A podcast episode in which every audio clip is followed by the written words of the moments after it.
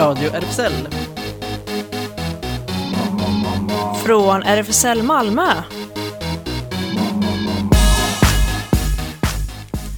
Välkommen till Radio RFSL, Riksförbundet för homosexuella, bisexuella, transpersoner, kveras och intersexpersoners rättigheter.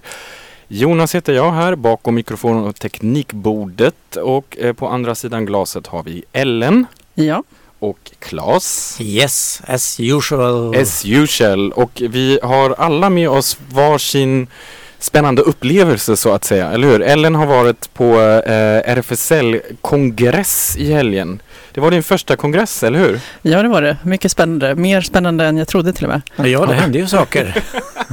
Just det, då- det får vi. Vi är lite nyfikna. Innan var det ju eh, Claes och jag förra året som var på kongressen. Eh, det var också spännande men vissa delar var rätt långdragna kommer jag ihåg. Mm. Så det kanske eh, ser fram emot att lyssna om det var lite mer pepp. Eh, Action. action den här gången.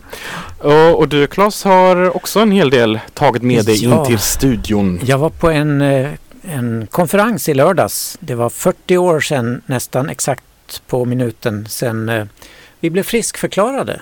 Socialstyrelsen sa att vi inte var psykiskt sjuka längre. Ja, så lätt kan man läka folk. Ja, swish, Jesus lär sig. Mm. Ja, just det.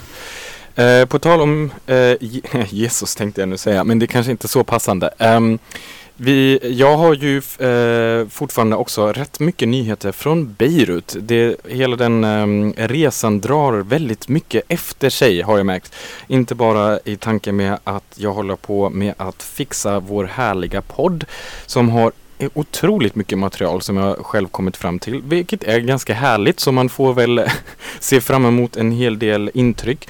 Men också så har det visat sig att um, de, ja, jag kom tillbaka den 12 oktober. Två dagar senare blev det 37 grader och hela landet började bokstavligen brinna i skogen. Det var nog en av de eh, största, eller, eh, ja, de största skogsbränderna sedan eh, jättelänge faktiskt. Som orsakade väldigt mycket problem och sen inte riktigt orsakad av brändarna, brändarna men frustrationen i det här lilla landet har redan varit ganska så stor och eh, det har kokat. Eh, ekonomin är ju eh, inte den bästa. Som många kanske vet är Libanon eh, ett av de mest skuldsatta länder i världen. Samtidigt som man hör sådär, sådana där skandaler som statsministern som eh, för några år sedan, 2013, kände att han skulle donera 13 miljoner dollar till en eh, sydafrikansk modell. Eh, Behjärtansvärt. Behjärtansvärt, precis. Så det är samtidigt som man eh, då eh, kom upp med massor udda skatter som då var verkligen Ja, jag- droppen på, På, på, WhatsApp det hela. skulle de lägga skatt. Precis, det jag var tänkte nu har Jonas ställt till det. Vi hade ju så mycket kontakt på exakt, WhatsApp. exakt. Ja, det, det, det var lite den tanken också. Jonas, vad har du gjort här alltså? Eh, nej, men den här WhatsApp-skatten då eh, skulle alltså beskatta alla möjliga samtal på Messenger-tjänster så att man skulle betala för dem. Eh, också på Facebook och liknande. Och det, beträff, det kan man ju tänka sig att det kanske inte berör direkt de som sitter i regeringen. Eh, regeringen är dessutom, är, ehm, nu får någon hjälpa mig, det här är väldigt, den är ju splittrat, secretarian, så den är indelad i olika sekter. Så att eh, man har ju per lag, det är en sån eftersläp från den franska kolonial, kolonialtiden, har man olika sekter. Eh, man har ju väldigt många olika religiösa grupperingar, det man menar med sekter, man menar inte scientology här. Det är olika muslimska grupper, man har sunni, shia, kristna, ehm, grupperingar och alla måste vara representerade. Så I man parlamentet, Har, I ja. parlamentet. Mm. Så man har alltid till exempel, eh, nu vet jag inte om jag får det rätt ihop, men man har eh, eh, eh, ehm, vad heter det, eh, premiär, inte premiärministern, eh, prime, the, the, inte statsministern, Presidenten. presidenten tack, Mm. precis, ska vara eh, kristen och eh, statsministern måste vara shia och sen har du parlamentstalesman för parlamentet, den ska vara sunni. Så oavsett vilken, så det, och det skulle på något sätt ja, leda till att alla känner sig representerade. Men det har ju utvecklats så sedan inbördeskriget att det blir en liten bubbla faktiskt som är väldigt korrumperad och alla håller på eh, bara så här, så här försöker trycka igenom sina egna intressen. Och de som har lidit över det här hela mest är ju faktiskt själva befolkningen som inte känner att det går någonting framåt. Strömavbrott hela tiden, zero in infrastruktur, eh, vatten. Jag såg ju själv liksom hur stora lastbilar kommer varje dag till ditt hus och eh, pumpar in vatten i huset liksom. Det är ju eh, mer än katastrofläget med vad, vad gäller flyktingarna. Eh, det, det är verkligen inte roligt läge kan man säga. Så att jag tror att folk har fått lite nog helt enkelt. Sen har de ju per capita mest flyktingar i hela världen. Precis, ja. Så man kan verkligen säga att det har bubblat ett, eh, det, det kommer inte direkt från ingenstans. Eh, däremot så har man också, har jag också, jag har varit väldigt mycket upptagen med det att följa hela de händelserna och eh, skulle ha haft tre intervjuer till förra veckan som då blev avblåsta för att folk är ute på gatan och protesterar. Eh, däremot, och det, en av dem var, är journalisten eh, eh Afif som är också en, en, en eh, poddkompis till mig så att säga för han också håller på med en podd om eh, eh, hbtq-communityt i Beirut och eh, han erbjöd sig nu, förhoppningsvis kommer vi kunna snacka nu på fredag för att då kanske också få lite in den vinkeln för att eh, jag har märkt att folk är såklart väldigt upptagna med de här protesterna. Så att jag har märkt att ja, det är viktigt med hbtq men också allt annat har också blivit väldigt viktigt. Men det är intressant att se um, hur folk tar in uh, till exempel bland annat Sasha som vi fick höra förra veckan i en liten snudd. Jag följer eh, henne också och jag ser liksom det, det blir väldigt mycket folk är ute och visar sig och det som har varit väldigt intressant att över religions, religionsgränserna har ju alla verkligen stått gemensamt som folk. Så det är flaggan faktiskt som förenar mot presidenten och han har försökt då så här, ja ja men skatten okej, vi ska halvera eh, lönerna av vissa eh, parlamentsmedlemmarna eh, om 50 procent och så. Men det, de, de, de här Löften har man hört så många gånger att saker och ting ska förändras så man tror inte på det längre. Nu är man inne på dag sex och samtidigt eh, verkar det inte ha varit kanske tillräckligt våldsamt för att man skulle rapportera om det i västmedia. Men man kan också se att det är inte så där jättelugnt och festligt heller för att man har ju också militären som försöker undvika att folk blockerar gatorna. Jag rekommenderar på den fronten också verkligen hänvisa till eh, eh, min personliga favoritkorrespondent Cecilia Ödén som faktiskt bevakar. Mm. bevakar det här läget på eh, lämpligt sätt kan man säga. Men Jonas, din podd kommer i alla fall. Ja, ja, den, Mm. den är på gång. precis. Den har eh, inte försvunnit i protestropen så att säga. Men den har kanske tystats ner lite av det kan man väl säga. Ja, Men vi ser fram emot den. precis. En liten snutt av första låten I thought you were my boyfriend. Vad är det här för band, Ellen? Ja, The Magnetic Fields upptäckte jag för kanske tio år sedan och jag bara tycker att de är ganska roliga, sympatiska. I thought we were supposed to be like glue. I thought you were my boyfriend. I thought you were my boyfriend, love or not. I always got ten cars under my candy pan. And if you're I thought you were my boyfriend. En Jättebra låt ju. Ja, Ja. ja Aldrig hört det bandet för. En igen, igenkänning där, fast i mitt fall girlfriend. Ja. Ja. Jag trodde det var du och jag. Ja. Ah, hela livet. Ja. Ja, men så.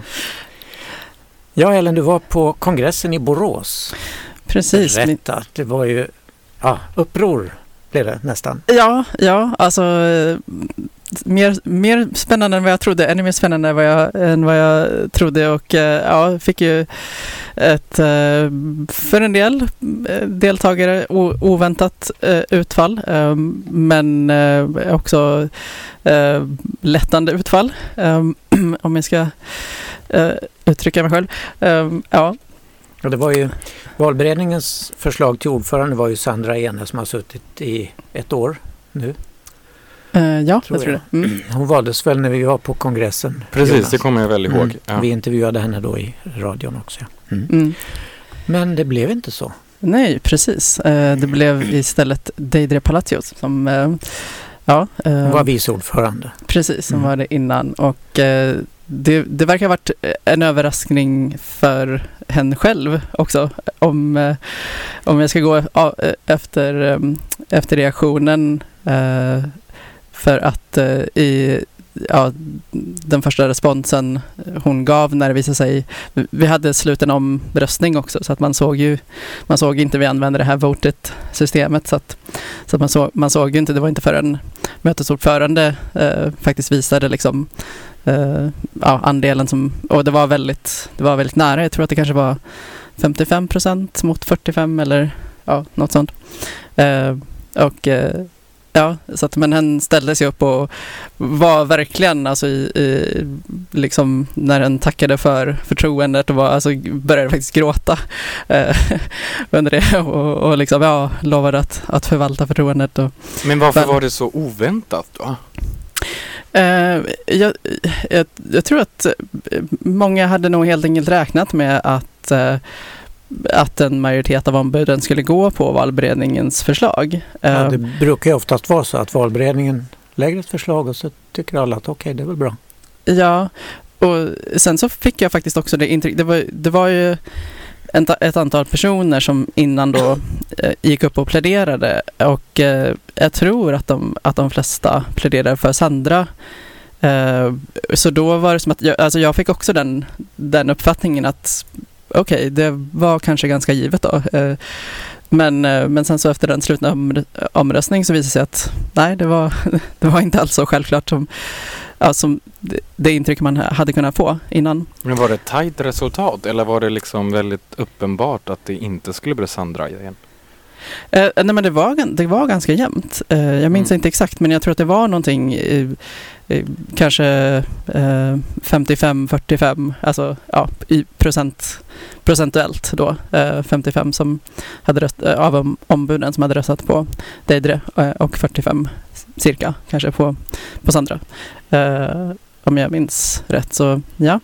Och sen så sprang jag omkring där under de två dagarna eh, jagade folk med diktafonen eh, och eh, jag tror att jag intervjuade, ja totalt blev det nog 8-9 intervjuer. Um, men vi kan börja med att höra på, eh, på Deidre eh, och sen eh, Andres eh, Stetcher som, som blev vald till eh, ledamot.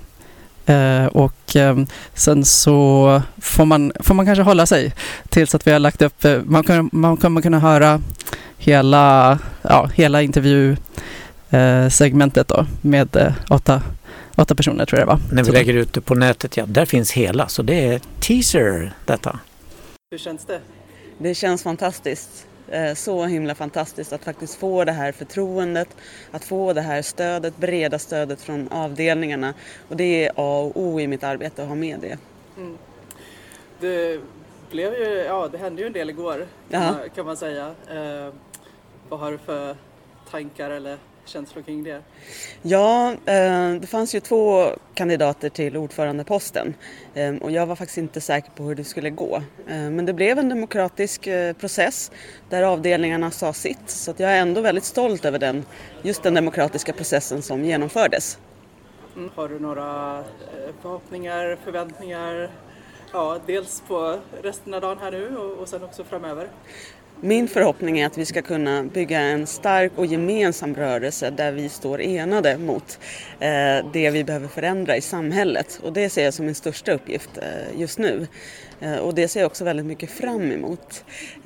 Min förväntan inför helgen är att gå härifrån med en känsla av lust och att det ska kännas roligt det här också. Det är en viktig del i arbetet. Men det känns väldigt, väldigt roligt. Har du något ja, ska säga, särskilda frågor som du liksom det här vill jag verkligen sätta igång med, med en gång. Ja, men det första jag måste göra det är ju att ta, ta mig an den här nya styrelsen och skapa vägar framåt för hur vi ska arbeta. Ehm, förutom de interna strukturerna så alltså, ser jag mycket fram emot att jobba med asylarbetet därför att vi ser en utveckling i svensk politik som går i fel riktning. Och vi vet att hbtqi-asylsökande är en utsatt grupp. Ehm, så det kommer jag också lägga mycket tid på. Har du något annat du vill tillägga eller så? Ja, det, jag vill tacka hela kongressen och hela RFSL som har gett mig den här möjligheten och jag kommer förvalta det väl. Tack så mycket. Tack. Andres Estetche Karate heter jag. Eh, och jag har precis blivit nyvald eh, förbundsstyrelseledamot. För att säga hela ordet. Grattis! Tack så mycket. Tack. Hur känns det nu? Uff, det känns jätteskönt. Jag tycker det var en pers. Det var väldigt mycket bra kandidater. Det var otroligt kompetenta och bra människor som var... Så det var ju hård konkurrens kan jag tycka. Ehm, sen så känns det ju fantastiskt skönt att tillhöra just den här gruppen med så pass bra och kompetenta människor. Så att eh, ja, skönt. Det var, det var en pers alltså. Jag var väldigt nervös. Jag, det var svettigt ett tag där. Ja, det har ju varit lite omvälvande och även igår lite oväntade häl- eh, händelser kanske. Mm, mm. Eh, har du några tankar eller känslor kring det? Ja, eh, det, är ju, det är ju inte första gången som, som, som RFSL är splittrat. Liksom. Det, är- det är klart att vi var splittrade och det var väl ungefär en 55 mot 45 procent som, som röstade Ehm, förbundsordförande och jag tror att de pläderingarna som var eh, spelade en väldigt stor och viktig roll. Eh, jag tror att de påverkade väldigt mycket. Det påverkade väldigt mycket oss, alltså vi som var där. Vi som, eh, och det har ju varit, jag tycker ju att för mig har det varit en positiv överraskning. jag, jag blev ju väldigt glad. Jag tycker ju väldigt mycket om Deidre. Det känns gött, verkligen. Eh, har du något du vill ta dig an först? Liksom att det- det här vill jag, riktigt, vill jag dyka in och jobba med en gång? Eller? Jag tycker att det är väldigt viktigt med direktdemokrati, med transparens, med inflytande från alla avdelningar. Även de som har fem medlemmar som bara sitter och dricker kaffe och inte gör så mycket eh, politiskt arbete kanske. Eller så här. Men att det är väldigt viktigt att, att vi är ett, liksom, ett riksförbund, liksom, hela riket. Och inte, jag förstår de som blandar ihop Stockholm och, och, eh, och förbundet för att, för, just för att kansliet ligger i Stockholm och de flesta mötena läggs i Stockholm och så vidare. Eh, Så att jag är faktiskt, i och med att jag själv är, inte är från Stockholm från början som, som de flesta av oss, eh, så, så är jag verkligen för en decentralisering av, av eh, Riksförbundet. Så. Tack så mycket. Mm, tack! Jag heter Maria José Viancos. Eh, idag är jag tolk och senare ikväll kommer jag vara värdinna på festen som är. Ja, vad innebär det? Det är att hälsa folk välkomna och se så att de är medlemmar. Så att det inte är några utifrån som kommer in. Så jag är värdinna och bouncer, kommer jag vara. Jag brukar få den rollen. Ja.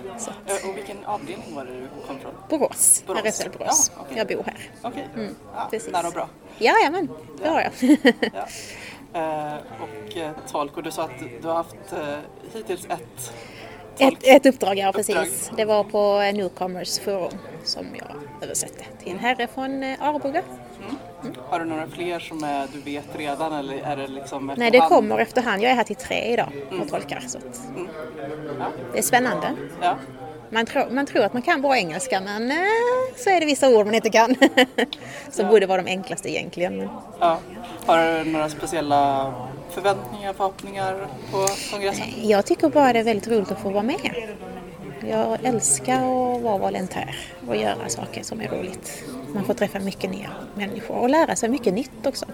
Och det är alltid roligt. Ja. Några speciella intryck från eh, samtalet vill ni svara på?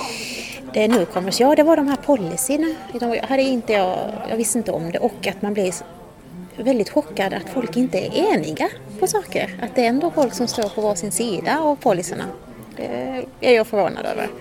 Och att det blir så mycket diskussioner och så. Men det är intressant. Man lär sig mycket. Tack så mycket. Varsågod. Johan Byström heter jag. Eh, är från RFSL Örebro. Eh, och är här då på min faktiskt första kongress. Och något som jag hoppas på, som jag gärna vill att man ska jobba med, det är att ha en tydlig antirasistisk agenda. Där vi hela tiden diskuterar, vi har antirasistiska nätverksträffar. Vi jobbar med att vara den här stora, tunga antirasistiska rörelsen som behövs i Sverige idag. Med tanke på Alternativ för Sverige, Sverigedemokraterna, Nordiska motståndsrörelsen. Tack så mycket. Ja, tack. Jag heter Ann-Katrin Berg och eh, tillhör RFSL i Göteborg. Och alldeles specifikt RFSL Göteborg HBT Seniorerna. Där jag har varit verksam de sista kanske åtta åren. Eh, HBT-seniorerna är ju en grupp inom RFSL Göteborg som har eh, bildades för ungefär tio år sedan faktiskt.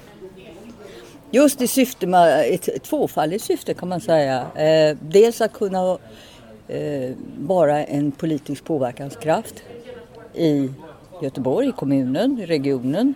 Och dels också att erbjuda Eh, äldre RFSL-medlemmar en, en samvaro genom att ordna program framför allt. Både utav kulturell karaktär och utav politisk karaktär kan man säga. Tänker jag. Så att jag har goda förhoppningar på detta. Jag tycker det har varit för mig i alla fall en, en, en intressant och, och givande. Och jag är väldigt nöjd att Pelle Larsson har kommit in i styrelsen. Men också de andra. Det ser, ser, jag ser fram emot det. Tack så mycket. My name is Joshua, Joshua Sempewa. I come from Västmanland, RFSL Västmanland, and I sit on the board of RFSL Västmanland, and I uh, I represent newcomers on the board. Uh, well, all the proceedings have been fine; they've gone on well. Uh, the elections, though, I didn't vote, but I was following what was happening. Uh, seems seemed there was a tight uh, tight competition between the the presidency between the post of presidency. Yeah, but I think the, it went on smoothly. People voted what they wanted. Yeah, and there are several discussions there in different areas where I had to participate in three.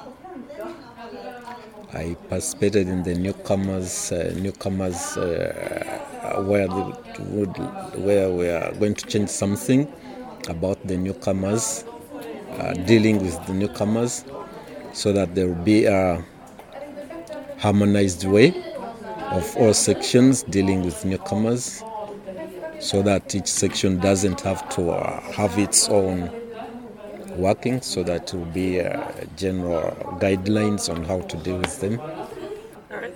Thank you so much. You're welcome. Jag heter Eddie Magnusson och jag kommer från RFSL Halland. Jag sitter som sekreterare där i styrelsen.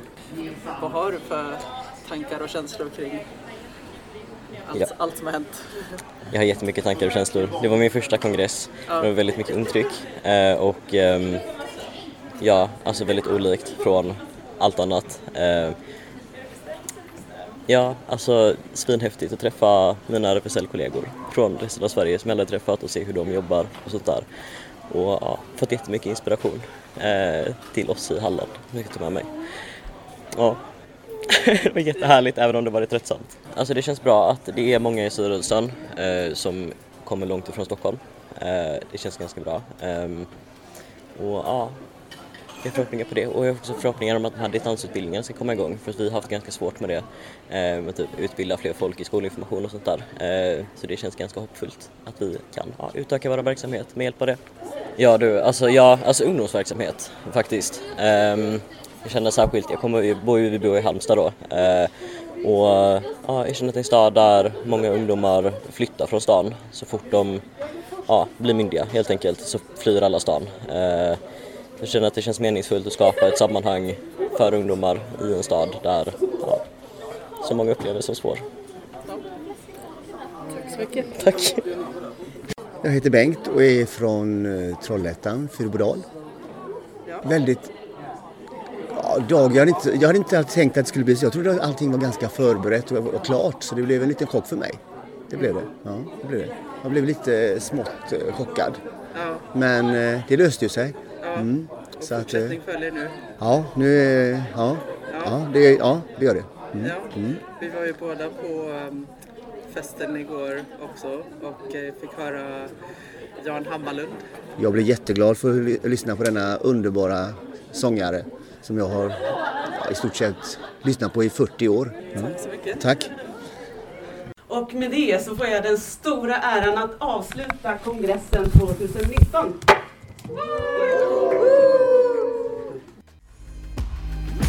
Tror att man kan vänja sig och kanske kan stå ut. Men jag ska aldrig mer titta ner igen. Nej, jag tittar inte ner, men jag tittar upp mot himlen.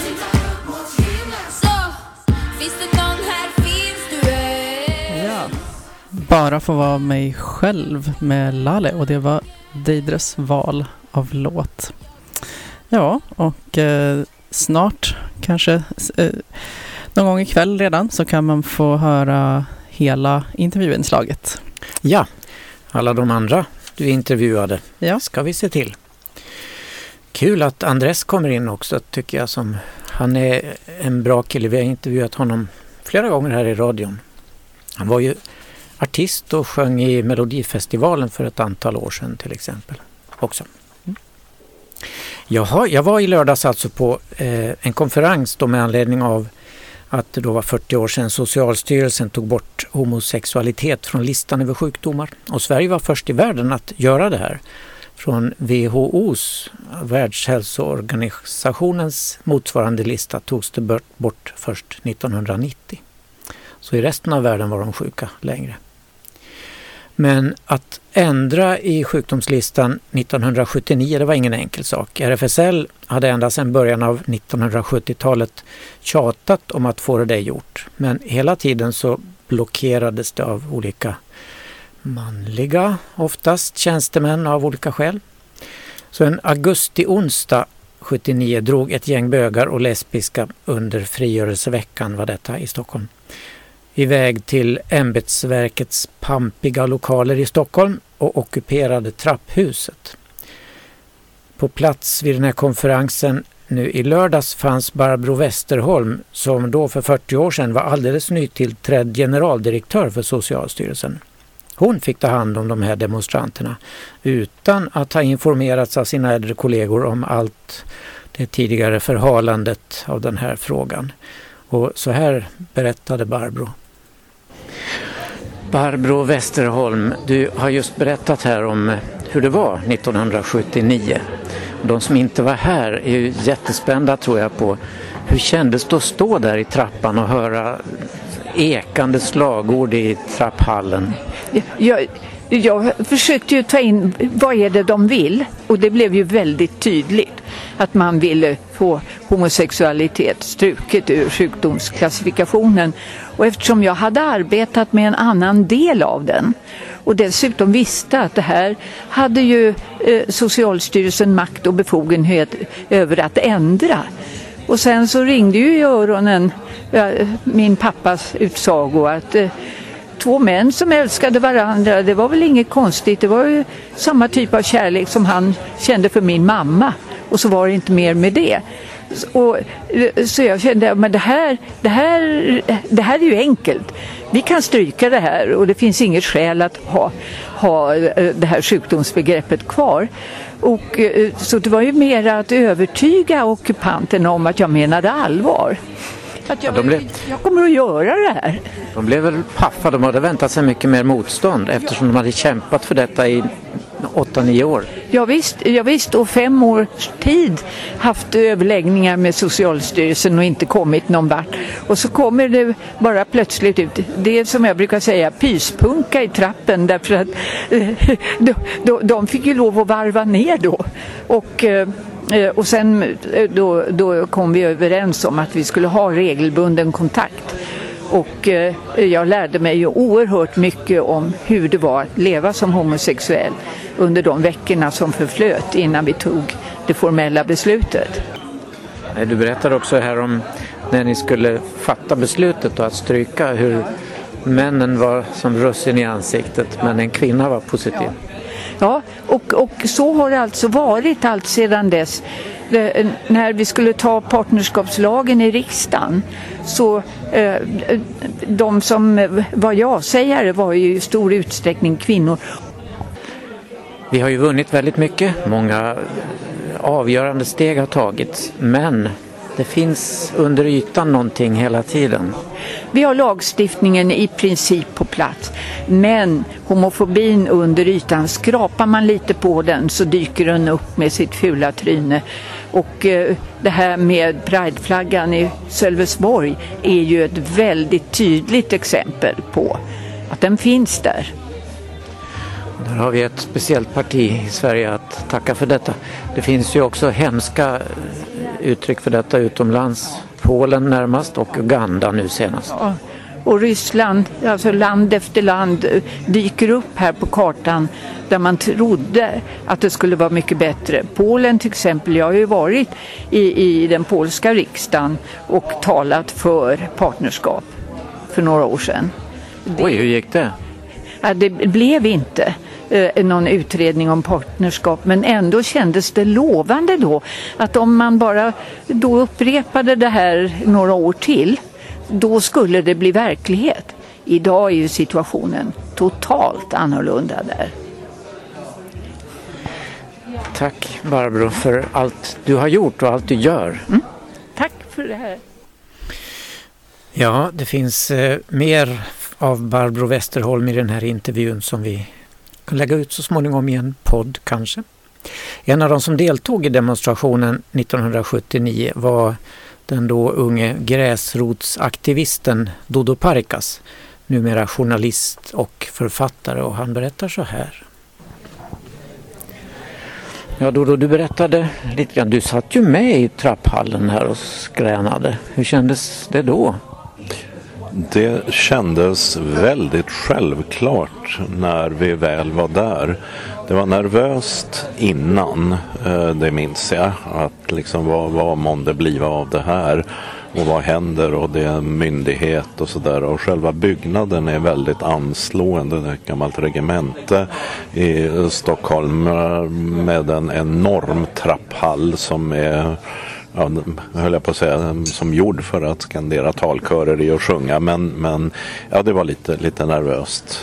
Men när vi väl var där så var det fullständigt självklart att eh, göra det. Därför att själva sjukdomsklassificeringen, alltså homosexualitet som psykiatrisk diagnos, är en sån anomali, en sån eh, obehaglighet att det bara måste väck. Vadå sjuk? Hallå? Ändå blev ju Sverige först i världen med att göra detta. Ja, ehm, det var ju bra. Nej men visst. Jag förstår att det kändes lite nervöst för det var ju då, jag vet inte om Bader Meinhof var aktuella då, men många sådana aktioner där polisen hade varit ganska brutal, kanske inte i Sverige, men det hade kunnat ske saker och polisen kom ju. Ja, alltså det var ju ingenting som jag minns att vi visste om eller fick eh, reda på. Men jag har tänkt mycket på vad det skulle ha kunnat betyda ifall de faktiskt hade stormat in och ifall det hade varit så att eh, det, ja, att Barbro Westerholm inte hade varit där eller Barbro Westerholm hade varit en annan människa som hade sagt att nej, eh, det här tar vi inte nu, de får lomma iväg, eh, det här är inte den vägen att gå. Istället då lyssnade hon och, och tog samtalet och det var ju oerhört eh, viktigt.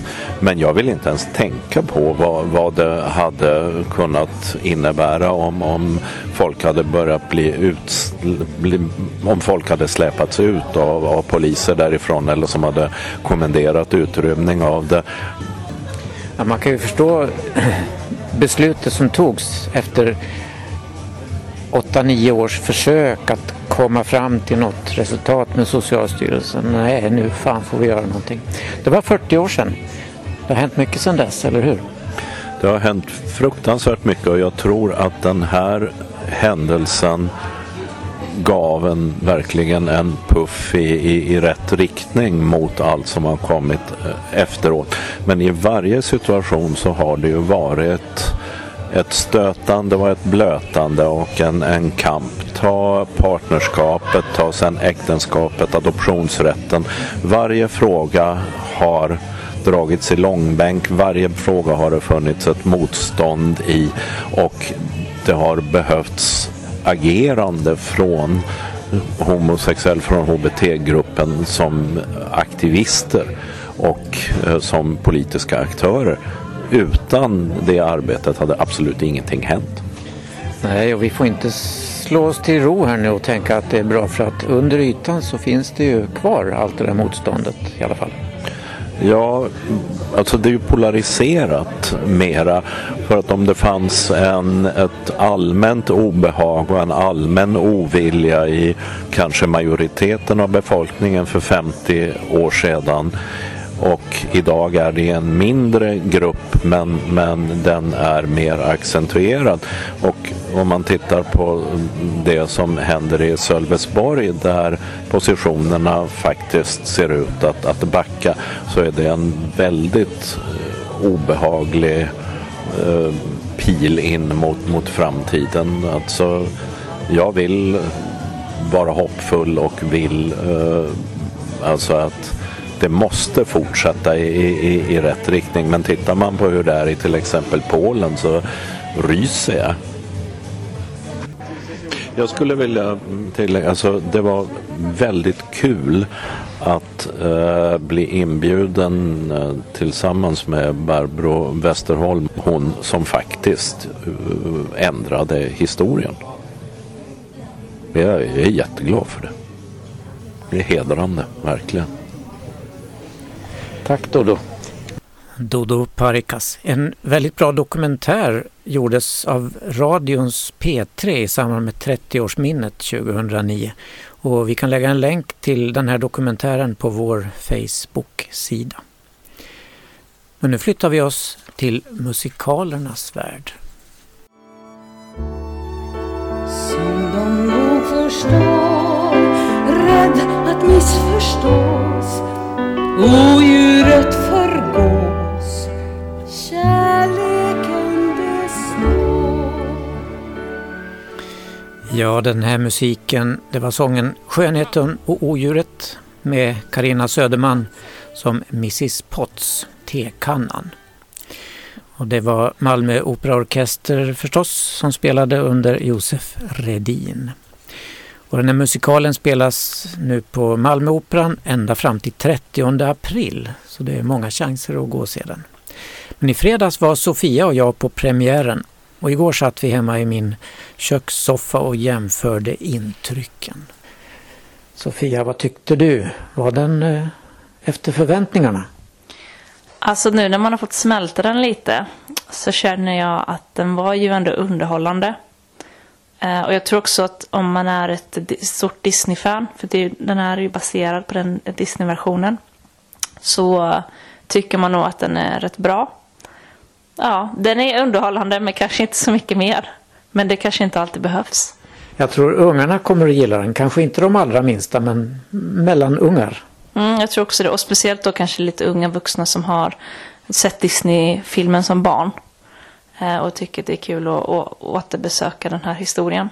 Ja, du kunde ju jämföra den. Jag har inte sett filmen. Det var efter min barndomstid så att säga. Och du tyckte den stämde? Ja, till viss del. Vissa grejer stämde inte. Ja, den är ju regisserad av Linus Fällbom och han har också satt ljuset. Han är en gammal ljusexpert verkligen. Och ljussättningen var ju helt suverän tycker jag. Mm. Ja, och jag gillar verkligen hur de jobbade med ehm, saker som svävade. Som bara lös. Så det var helt mörkt eh, runt omkring. Men man, så, alltså man kunde ju ändå förstå att det var ju säkert någon person eller några trådar eller, och så. Så det såg verkligen levande ut. Eh, också det här med när de fokuserade på rosen. Eh, och det här bildspelen som kom. När man tittar i spegeln bland annat. Mm. Många videoprojektioner. Ja, den där rosen är ju viktig. Det var den förtrollade rosen. När sista kronbladet faller då är det för evigt hemskt för odjuret. Mm, precis. Ja, det, det inleddes väldigt filmliknande med snöfall och så såna här filmtexter på en tunn ridå. Så, och så kommer prologen då där Marianne Mörk berättar bakgrunden till hela sagan. Vi kan ju höra hur det lät. fjärran land. Fastän han hade allt man kan önska sig var han otacksam, elak och självisk. Men så en stjärnklar vinternatt kom en gammal tiggerska till slottet för att söka natthärbärge i skydd mot den bistra kylan. I utbyte erbjöd hon en enkel ros. I åsynen av den gamla fu- Ja, där fick vi veta lite grann om bakgrunden då hur eh, den här arroganta prinsen förvandlades till ett odjur. Och bara om en ung kvinna, där är det lite sexistiskt, inte en ung man. Nej, precis. Men en ung kvinna förälskar sig i honom, då blir han mänsklig igen. Precis. Och där är den ju väldigt lik eh, grundhistorien som Disney har. Men sen så är det ju en liten backstory kan man säga eh, i Bell. Bells då som är eh, huvud, en av de huvudrollskaraktärerna. Som, eh, den här versionen handlar ju om att Bell är lite konstig i den byn hon bor. Hennes pappa är också lite udda. Han är eh, någon slags uppfinnare. Och Bell älskar böcker och läsa och är typ på biblioteket eller bokhandeln varje dag. Och så eh, hennes pappa eh, går vilse eller blir på något sätt bortlurad eh, till ett slott där han hamnar och sen blir, hålls gisslan på något sätt. Och så ska Belle hitta honom, hon hittar honom eh, och så säger hon till eh, odjuret och eh, tjänstefolket på slottet att ta mig istället, du kan ha, ha mig här. Men släpp min pappa fri bara. Och vad jag minns från Disney-versionen så var det ju snarare att Belle gick vilse i skogen när hon skulle plocka tryfflar. Nej, det var lite märklig historia men hon lät sig då bli gisslan. Och vi kan ju säga att Bell, Sofie Gunnarsson eh, spelar henne och pappan Maurice heter han, uppfinnaren Hans Peter Ed gör honom. Och han har ju en fantastisk uppfinnarverkstad, pappan. Där har scenografi scenografimästarna firat triumf. Och scenografi och kostym görs ju av Dan Potra. Mm. Vilken kostym tyckte du var bäst? Jag kan i alla fall säga att jag tyckte Miss Potts var den bästa. Som om man har sett Disney-versionen är Miss Potts den här mammiga eh, tekoppen, eller tekannan egentligen är, är vad hon är. Eh, och jag tyckte dels, dels man kan beskriva att hon, hon var i en eh, tekanna som pyste också, eh, pyste ånga. Eh, där hon också hade någon slags rustning av porslin som blänkte. Eh, som eh, matchade hennes tekanna. Och sen när hon vid något tillfälle kom ur den här tekannan så var hon, hennes klänning var som en tepåse. Med, som hon viftade med. Och det var jättekul tyckte jag. Ja, sen hela den övriga personalen i, i slottet var ju bestick, kniv och gaffel och ljusgrejer och sånt där. Men de viktiga personerna då i slottspersonalen det var ju golvklockan Clocksworth personalchef var han då egentligen innan han blev förtrollad. Spelades av Johannes Vanselov och så kandelabern Lumière Mikael Jansson som bröt på franska hela tiden. Oui, oui. Och så eh, boudoirbyrån Madame de la Grande Bouche. Grand Bouche betyder den stora munnen. Lotte Olander var det. Och det tror jag nästan var min favoritkostym kanske. En byrå som brister ut i Carmen eller i Wagner eller något sånt där plötsligt. Ja, precis. Jag tyckte också Babette som spelas av Nina Pressing var rätt rolig. Också bröt på franska.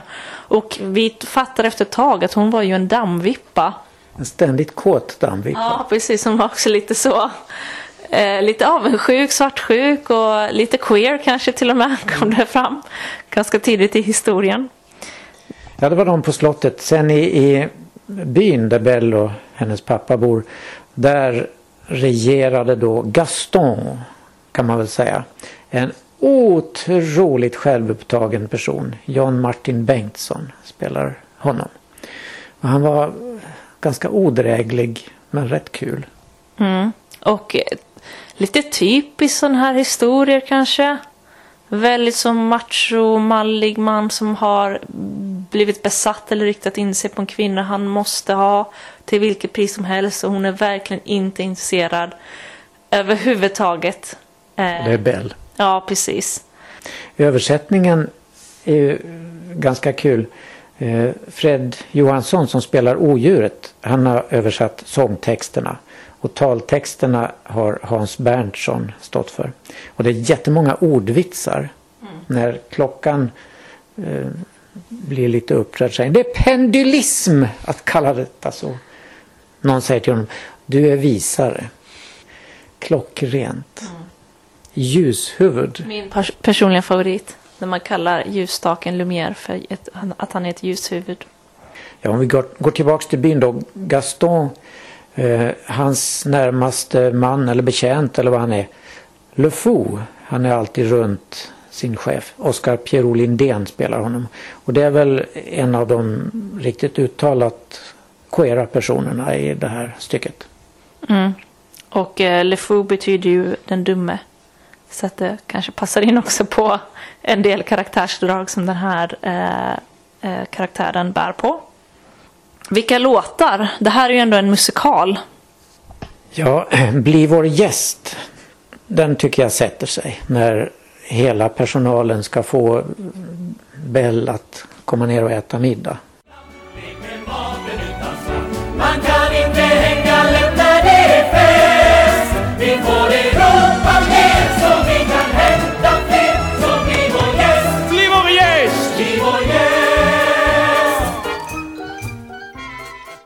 Mm, jag tyckte också det. Den är, dels är ju låten väldigt catchig. Sen är det ju också hela när de, alltså det blir liksom som att slottet upp till den punkten var väldigt mörkt och dystert. Och sen när odjuret, eller herren, eh, har gått och lagt sig. Så kommer liksom alla eh, som bor i slottet ofrivilligt, som har blivit olika saker, kommer till liv och liksom ställer upp eh, till en show. Och det var jättekul, jättemycket alltså pompa och ståt och ja, Och dans, fantastiskt dansnummer. Ja, verkligen. Och jag bara tycker det är så kul när det är, de var ju liksom utklädda som, vad ska man kalla det? Serveringskärl. Ja. Som dansade runt och hade gurkor på sig och mackor och kött och frukter och... Ja, koreografin kan vi ju lägga till då. Miles Hoare har stått för den. Ja, det hela arbetar sig då upp till eh, finalen där byborna ska ha ihjäl odjuret. Så ger sig hela byn iväg under Gastons ledning och tar sig in i slottet och där blir det en väldigt koreograferad strid. Där besticken gör sitt bästa för att sticka dem och sådär. Och där lyckas ju Gaston ta sig upp i tornet och till och med såra odjuret. Varpå odjuret raskt dödar honom. Men det försvinner bara förbi liksom så hastigt. Mm, precis. Kärleken övervinner ju allt. Det har ju Disney lärt oss. Och då kommer Belle och upptäcker att odjuret är sårat och hjälper honom. Åh, jag älskar dig, säger hon. Och swish är förvandlingen klar. Och så blir det då våldsam rök och blixt och dunder. Och så blir han en, ja, vacker vet jag inte, men en prins i alla fall. Men vi kan väl höra Fred Johansson i det här. Det tycker jag också är ett fint nummer. Hur kan jag älska? Som odjuret sjunger han det. och få henne älska mig Inte hon Vem så säg Ja, det var själva odjuret det här. Blir ni nällade att gå och se den nu då eller? Mm. Tveksamt kanske? Ja, det känns inte riktigt som kanske mm, Ellen-anpassat. Nej. Nej, ja. Fred Jag Johansson. håller mig lite tyst här. Du, ja. ja. Du har Återkommer. Du såg inte den som barn? Eh, jo, nej, inte just den. Alltså jag såg några eh, Disney-filmer, men oavsett var jag faktiskt inte största så här. Det var inte min förkärlek. där. Nej. Men den går i alla fall till den 30 eh, april så att nästa år, ni har chans att ångra Just det, er. Ja. just det. Jag kanske ångrar mig. Men då går vi till nyheterna va? Precis, och som Ellen precis eh, idag rapporterade in här har det ju varit palatsrevolution vid RFSL-kongressen i Borås. Där uppstod en strid om ordförandeposten och valberedningens förslag att välja Sandra Ene till en ny period gillades inte riktigt av ombuden och ny ordförande blev då därav istället Deidre Palacios. I sin presentation av sin kandidatur till en plats i förbundsstyrelsen beskrevs den nyvalda förbundsordförande Deidre Palacios som hen ser att normkritik, antirasism och feminism inte är ett mål utan är ett ständigt pågående arbete och att RFSL har mycket kvar att utveckla på dessa områden. Och en hel artikel med fler citat kan man också läsa på QX som vi kan länka ut till på vår nyhetsblock på Facebook. Mm. Och kongressen hade också ett uttalande kring ett tredje juridiskt kön som jag läser här från RFSLs eh, sida. Genom åren har behovet av ett tredje juridiskt kön vid flera gånger lyft som ett viktigt ställningstagande för att synliggöra och bekräfta icke-binära och andra som varken är män eller kvinnor. Ett tredje juridiskt kön är dessutom en viktig rättighet för en del personer med intersexvariationer. Utredningen om stärkt ställning och bättre levnadsvillkor för transpersoner eh, föreslog 2017 att regeringen skulle tillsätta en utredning i syfte att eh, utreda möjligheten till ett tredje juridiskt kön i Sverige samt därmed ett införande av könsneutrala personnummer. Eh, sedan januari 2018 har det funnits en majoritet i riksdagen för att genomföra en utredning men fortfarande har ingenting hänt. RFSLs kongress kräver nu att denna utredning genomförs. Eh, ja, och eh, mer kan man läsa då på RFSLs hemsida. Och I Expressen förra veckan skrev Jonas Gardell en mycket stark text. Ett av de viktigaste politiska inlägg som skrivits det senaste året kommenterade Dagens Nyheters chefredaktör Peter Wolodarski några dagar senare. Gardell angriper i Expressen Sverigedemokraternas längtan tillbaka till ett Sverige förr i tiden med svenska värderingar.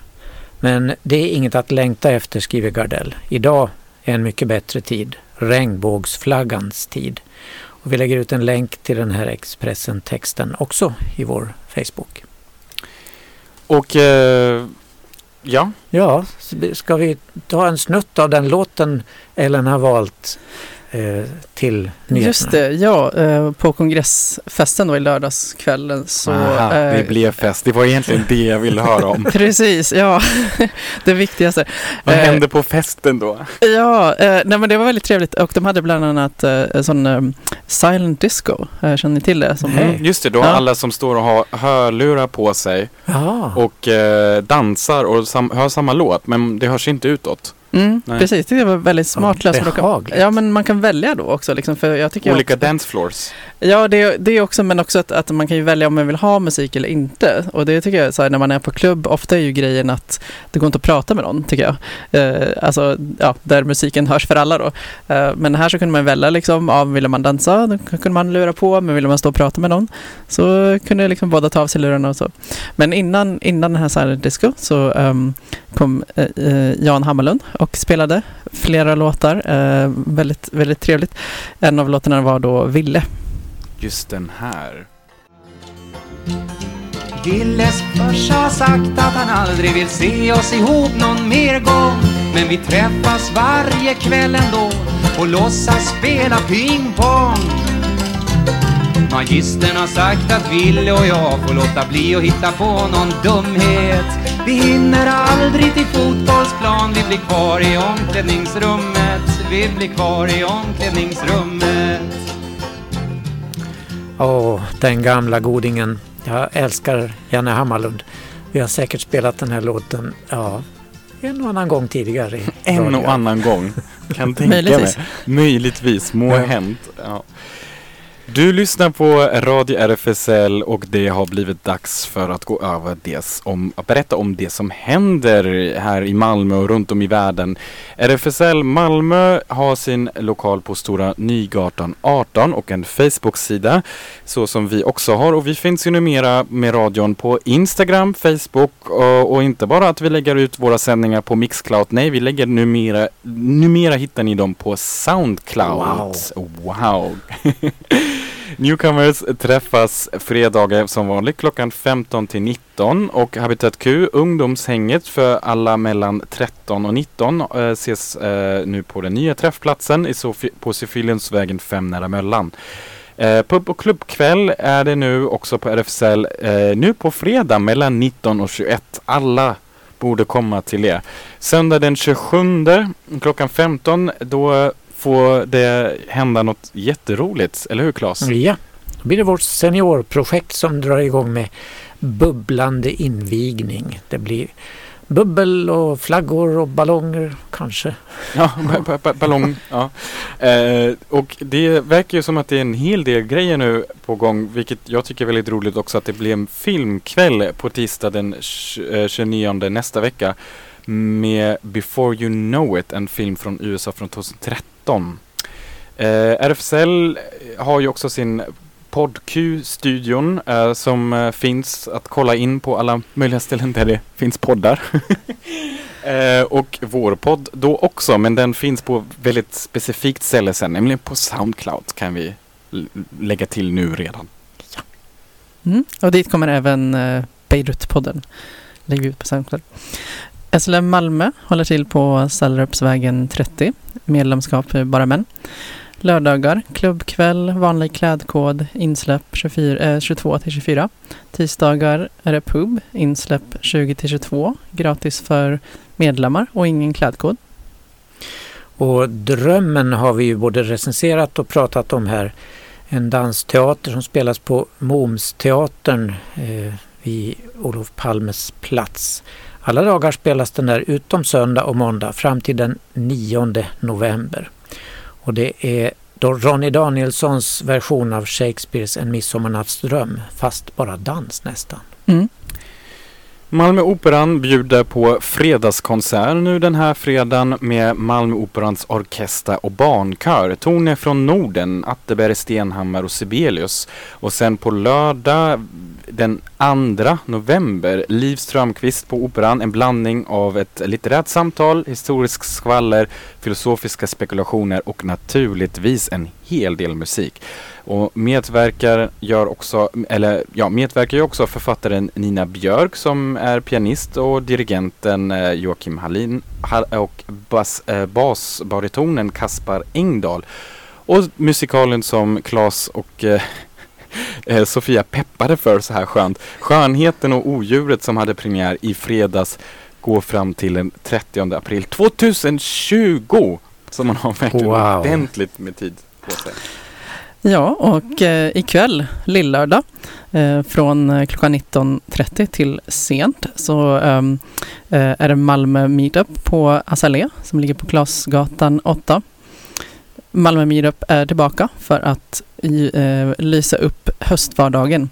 Ta med era bästa Järis och icke-binäris till Malmös chillaste queerhäng för att mysa, samtala eller sjunga om ni får riktigt feeling. Vi möts i vanlig ordning på allas vårt favorithak Azalea. Nya som gamla ansikten är varmt välkomna. Mm. vi lägger ut länk till detta. Förstås också transparensträffen i oktober. Eh, nu på fredag klockan 20 till 23 på Nya Tröls Karlskronaplan 1. Eh, och det är som vanligt för transpersoner med nya och gamla vänner och det är informellt och bord är bokat i namnet transparens. Så välkomna, vi lägger ut länk till även det. Precis. Dansveckan börjar den 25 eh, oktober till den 3 november. Alla möjliga dansstilar runt om i Malmö och det mesta är faktiskt gratis. Och man kan kolla in programmet på malmodanceweek.se. Mm. Och så på lördag så har vi Goodbye Malmö, finissage, till skillnad från vernissage. Med Eddie som eh, du och jag var, eh, träffade, eh, Jonas. Ehm, och eh, ehm, book launch med Claudia Kent. Så ehm, de har då en, en gemensam, eh, ett gemensamt finissage på ehm, eh, fotogalleri Vassli Sosa eh, mellan 17 till 23. Gustav Adolfs, torg 10B. Ja, och på lördag eh, också är det Statement Tour Malmö på Moriskan 20 till 03 med diverse evenemang. Vi får också Hinner bara hänvisa, inte till, nej okej vi ska inte hänvisa till det. Nej, jag Ja. tänkte det. Carolina, men okej, det kanske vi får göra en annan gång. Okej. Eh, vi avslutar helt i RFSL kongressanda med en eh, passande låt. Eller hur? Eh, Olé Olé som är väldigt känt tror jag. Yes, med Andres Estes. Precis, vad, finns det bättre att ha en egen melodifestival, kändis I eh, i, i, styrelse. i styrelsen? Ja. Precis, med detta sagt får vi höras nästa vecka. Alla ska cykla tillbaka nu. Okej, hej då. Hej då.